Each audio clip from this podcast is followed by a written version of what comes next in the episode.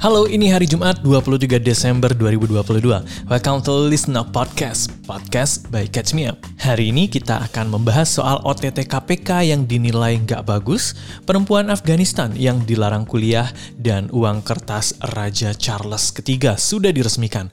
And now, let's catch up ada aja yang bikin rame di negeri plus 62 ini guys. Salah satunya baru aja Menko Marves Luhut Binsar Panjaitan menyebut operasi tangkap tangan atau OTT yang sering dilakukan KPK itu nggak bagus. Kita nggak usah bicara tinggi-tinggi lah. Kita OTT-OTT itu kan nggak bagus sebenarnya. Buat negeri ini jelek banget gitu. Tapi kalau di, kita digitalize, siapa yang mau lawan kita? Iya, anggapan ini juga disetujui sama pejabat lain mulai dari Mahfud MD sampai Muhajir Effendi. Tapi para pakar dan aktivis bilangnya nggak bisa gitu dong Pak, secara OTT selama ini udah efektif dalam menangkap koruptor. Ya, here we go with the pros and cons. Well, jadi gini guys, dalam upaya pemberantasan tindak pidana korupsi di Indonesia, Komisi Pemberantasan Korupsi (EKE KPK) mengamankan para terduga pelaku lewat satu prosedur yang namanya operasi tangkap tangan ya. Kenapa namanya operasi tangkap tangan ya? Karena pihak berwajib mengamankan atau menangkap terduga pelaku waktu lagi melakukan tindak pidana atau beberapa saat setelahnya. Karena ditangkapnya waktu sedang atau beberapa saat setelah si terduga melakukan tindak pidana tadi, maka bukti-bukti pun jadi lebih mudah ditemukan, diidentifikasi, dan diselidiki lebih lanjut. Kalian harus tahu nih guys, dengan adanya bukti live from the venue, bakalan sangat membantu dalam proses penyidikan di kasus kejahatan yang susah dicari pembuktiannya, kayak kasus korupsi gini. Dan dalam hal ini, operasi tangkap tangan yang dilakukan KPK masih sangat efektif. Terduga pelaku korupsi ditangkap, barang bukti diamankan, terus rame diomongin media, and so forth and so on. Nah, ternyata, little did we know, operasi tangkap tangan ini jadi concern tersendiri untuk Menko Marves Luhut Binsar Panjaitan. Well, dalam ucapannya selasa lalu, Opung Luhut menyebut OTT yang dilakukan KPK ini nggak bagus. Adapun anggapannya Opung ini bukan tanpa alasan. Opung menilai operasi tangkap tangan itu cuma bikin citra negara Indonesia jelek di mancanegara. Meanwhile, Indonesia belum lama ini dipuji karena sudah sukses menyelenggarakan KTT G20 di Bali November kemarin. Makanya Opung bilang jangan keseringan dikit-dikit OTT, dikit-dikit ditangkap. Tapi ya gimana? Yang terduga melakukan korupsi juga nggak habis-habis ya guys ya. In his words, Opung bilangnya, Jadi kalau kita mau bekerja dengan hati, kita nggak mau maling aja, masih bisa. Ya kalau hidup-hidup sedikit boleh lah. Ya, kita mau bersih-bersih amat di sorga aja lah kau. Katanya lebih jauh, Luhut Binsar Panjaitan juga menyebut ada empat pilar yang diterapkan di Indonesia dalam mencegah korupsi yaitu efisiensi melalui digitalisasi, hilirisasi, penyaluran dana desa, dan harga komoditi. Nah, in that sense, yang Opung highlight itu si digitalisasi ini, gengs. Digitalisasi dalam pelaksanaan pemerintah termasuk di sistemnya KPK. Menurut beliau, kalau digitalisasi bisa diterapkan secara maksimal di setiap lini mulai dari perencanaan sampai penggunaan anggaran, kegiatan transaksi gelap aka korupsi itu bisa banget dicegah guys. Gak ada yang namanya bakal berani main curang kalau ada jejak digital. Gak ada yang bisa main-main kalau kata Opung. Makanya digitalisasi ini yang kudu dimasifkan di pelaksanaan pemerintahan di Indonesia, termasuk dalam konteks pemberantasan korupsi instead of keseringan OTT. Statement Opung LBP ini kemudian disetujui oleh Menko Polhukam Mahfud MD. Menurut Profesor Mahfud, memang udah seharusnya kita beralih ke digitalisasi guys. Lebih jauh, Prof Mahfud juga mention soal rencana pemerintah untuk menutup celah kemungkinan korupsi through digitalization yang dengan peraturan presiden tentang sistem pemerintahan berbasis elektronik aka SPBE yang sekarang udah selesai dikerjain sama Menpan RB dan tinggal nunggu presiden tanda tangan aja. Kalau pemerintahan udah digitalized maka nggak mudah dong orang untuk korupsi. Jadi Pak Luhut tuh bener, apanya yang salah kalau kata Pak Mahfud gitu ya. Nah, ada yang harus ditekankan di sini adalah nggak cuma sistemnya aja, tapi mental masyarakat Indonesia untuk tidak melakukan tindak korupsi. Ini yang kemudian digarisbawahi oleh Menko Pembangunan Manusia dan Kebudayaan Muhajir Effendi. Di satu sisi, Pak Muhajir setuju kalau OTT emang harus dikurangi. However, hal itu bakalan apply very well kalau mentalnya orang-orang termasuk para pejabat itu udah sadar kalau korupsi itu tindakan yang menghancurkan. Sementara revolusi mental juga perlu waktu. It takes a lot of time. Makanya dalam hal ini Pak Muhajir menyebut kalau harus dilakukan adalah dengan kasih pendidikan anti korupsi dengan tujuan bisa membangun dan memperkuat mental kejujuran dan integritas dari orang-orang korup ini. Selain itu, Wakil Presiden Kiai Haji Ma'ruf Amin juga menyampaikan korupsi itu tindakan yang kompleks dan buat memberantasnya butuh tindakan yang komprehensif juga, mulai dari pendidikan, pencegahan, dan penindakan. Nah, kalau pendidikan dan pencegahannya udah succeed, maka penindakan pun bisa jadi tidak ada kan. Nah, yang harus dilakukan adalah gimana caranya pendidikan dan pencegahan ini kudu maksimal biar nggak ada penindakan. Selain itu, ada juga yang menentang statement Opung ini guys. Adapun yang menentang statement ini adalah bapak-bapak eksekutif dari Indonesia Corruption Watch aka ICW. Peneliti ICW Kurnia Ramadana bilang otoritas KPK dalam memberantas korupsi itu nggak boleh diintervensi sama pihak mana pun termasuk pihak eksekutif. Dari sini, Kurnia pun minta Presiden Jokowi untuk menegur Opung Luhut dan menteri lainnya untuk tidak mencampuri upaya penegakan hukum yang dilakukan KPK. Toh selama ini OTT yang dilakukan KPK ampuh banget dan berdampak besar dalam pemberantasan korupsi.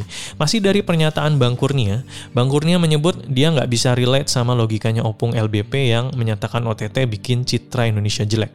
Justru menurut Bang Kurnia dengan pemberantasan korupsi yang maksimal salah satunya dengan OTT, citra Indonesia itu bisa jadi bagus dan diapresiasi sama masyarakat dunia. Contoh di tahun 2013 di mana waktu itu KPK dapat penghargaan Raymond Magsaysay Award karena dinilai berhasil memberantas korupsi secara masif.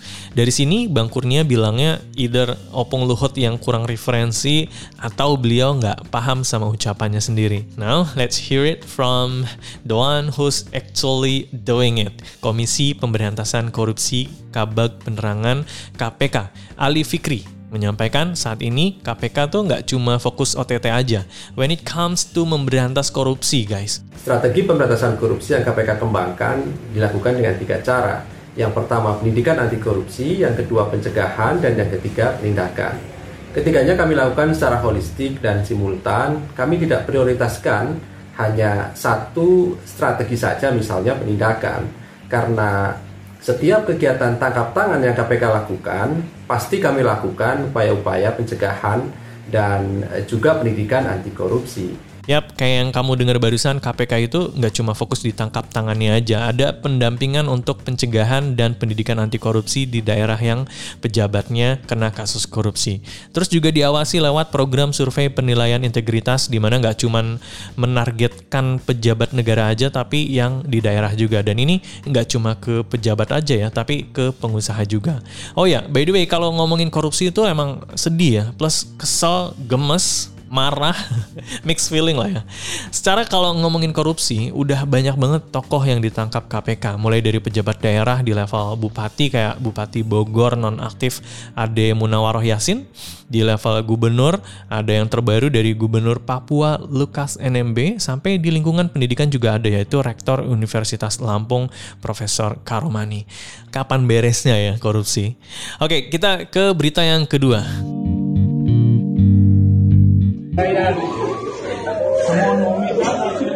Tears in the classroom as female students realize the Taliban are banning them from university. Bener-bener keterlaluan banget nih ya rezim Taliban di Afghanistan ini karena kemarin mereka baru aja menerbitkan peraturan yang melarang perempuan di sana untuk berkuliah ataupun menempuh pendidikan tinggi. Iya emang Taliban nih nggak ada habisnya ngerampas hak-hak dasar perempuan di Afghanistan. Jadi dalam pengumumannya kemarin Taliban menegaskan bahwa perempuan tidak boleh berkuliah di jenjang yang lebih tinggi. Larangan ini tuh sebenarnya melanggar janji mereka saat mereka mulai menguasai pemerintahan pada 2021 lalu. Tapi ya nasi sudah menjadi bubur.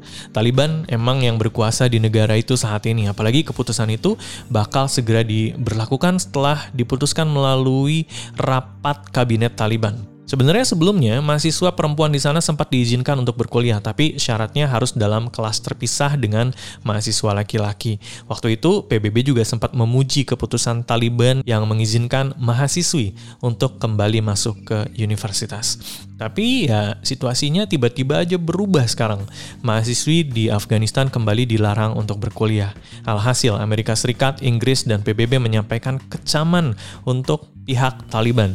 Pihak Amerika Serikat menyatakan bahwa kalau emang Taliban pengen diakui secara internasional, kebijakan soal pendidikan perempuan ini perlu dirubah. Sementara Dubes Inggris untuk PBB, Barbawa Woodward, bilang kalau dia kecewa banget dan kebijakan ini adalah langkah yang mengerikan. Utusan khusus PBB untuk Afghanistan, Roza Utun Bayeva, bilang kalau penutupan akses sekolah untuk perempuan justru merusak hubungan pemerintahan Taliban dengan komunitas internasional. Kabarnya, sejumlah elit Taliban yang menjadi penguasa di Afghanistan ini menguliahkan anak perempuan mereka di luar negeri. Yap, sementara banyak perempuan pribumi yang nggak bisa sekolah, Eh, anak-anak petinggi Taliban justru menempuh pendidikan setinggi-tingginya sampai ke luar negeri. Hal ini dilaporkan oleh lembaga independen jaringan analis Afghanistan atau AAN yang bilang kalau sejumlah anggota Taliban lagi mencari sekolah dan kampus untuk anak-anak mereka. Nah, diketahui juga bahwa emang sejumlah petinggi Taliban memang tinggal di kota besar di luar Afghanistan kayak Karachi, Pakistan, Islamabad, Pakistan, Doha, Qatar, dan Dubai, UAE. Nah, Ketika mereka tinggal di sana, mereka dapat banyak keuntungan salah satunya untuk menyekolahkan hingga menguliahkan anak-anak mereka di luar negeri, baik laki-laki maupun perempuan. Bahkan salah satu anak perempuan dari petinggi Taliban yang kerja di kementerian sekarang menguliahkan anaknya di Universitas Qatar untuk belajar ilmu kedokteran. Yang jelas mereka nggak terima dan sedih banget soal keputusan Taliban. Misalnya seorang ibu dari salah satu mahasiswa di sana yang bilang putrinya teleponan sambil nangis-nangis gara-gara khawatir nggak bisa melanjutkan sekolah kedokterannya di Kabul. Dia bilang dia sangat khawatir soal masa depan anak-anaknya. Terus kelompok pakar independen PBB juga udah kasih peringatan soal tindakan Taliban yang membatasi hak dan kebebasan perempuan ini. Mereka menyebut bahwa kebijakan ini patut diselidiki sebagai penganiayaan berbasis gender. Eh, tapi jubir pemerintahan Taliban Zabihullah Mujahid justru membantah tuduhan itu dan menilainya nggak menghormati agama Islam yang sakral. Sebenarnya masih banyak lagi kebebasan perempuan yang dirampas sama Taliban sejak mereka berkuasa. Adapun beberapa larangan yang berlaku adalah mulai dari mewajibkan perempuan menutup wajah di depan umum, bahkan sampai perempuan juga dilarang untuk datang ke taman, tempat-tempat hiburan, gym, bahkan kolam renang umum. Oke, kita ke berita yang terakhir ya. Bank of England akhirnya meresmikan uang kertas bergambarkan Raja Charles III. Yap, seiring dengan beralihnya tampuk pemerintahan pemimpin Inggris, maka berubah pula gambar mata uangnya. Dari gambar Queen Elizabeth II, kini uang di Inggris bakal bergambarkan Raja Charles III. Nantinya foto King Charles bakal muncul di uang kertas Inggris sebesar 5 pounds 10 pounds, 20 dan 50 pounds. Tapi sisa desain di uang nominal lain bakal tetap sama, alias tetap pakai foto mendiang Ratu Inggris di bagian depan. Rencananya sih uang kertas baru ini beredar di pertengahan 2024. Sementara uang kertas yang ada foto ratunya masih jadi alat pembayaran yang sah di Inggris. Sementara itu, pihak bank juga menyampaikan bahwa sisi belakangnya nggak akan berubah, di mana saat ini menampilkan Winston Churchill, Jane Austen, J.M.W. Turner, dan Alan Turing di balik uang kertas 5, 10, 20, dan 50 pounds. Sebenarnya, nggak semua uang kertas bakal diganti. Katanya demi meminimalkan dampak lingkungan, uang kertas baru cuma bakal dicetak untuk menggantikan uang kertas yang sudah usang dan untuk memenuhi peningkatan permintaan atas uang kertas. FYI, sebelum uang kertas ini, koin pertama yang menampilkan patung resmi Raja Charles III sudah mulai beredar. Oke, itu dia untuk listen up episode kali ini. Sampai jumpa di episode selanjutnya. Happy weekend.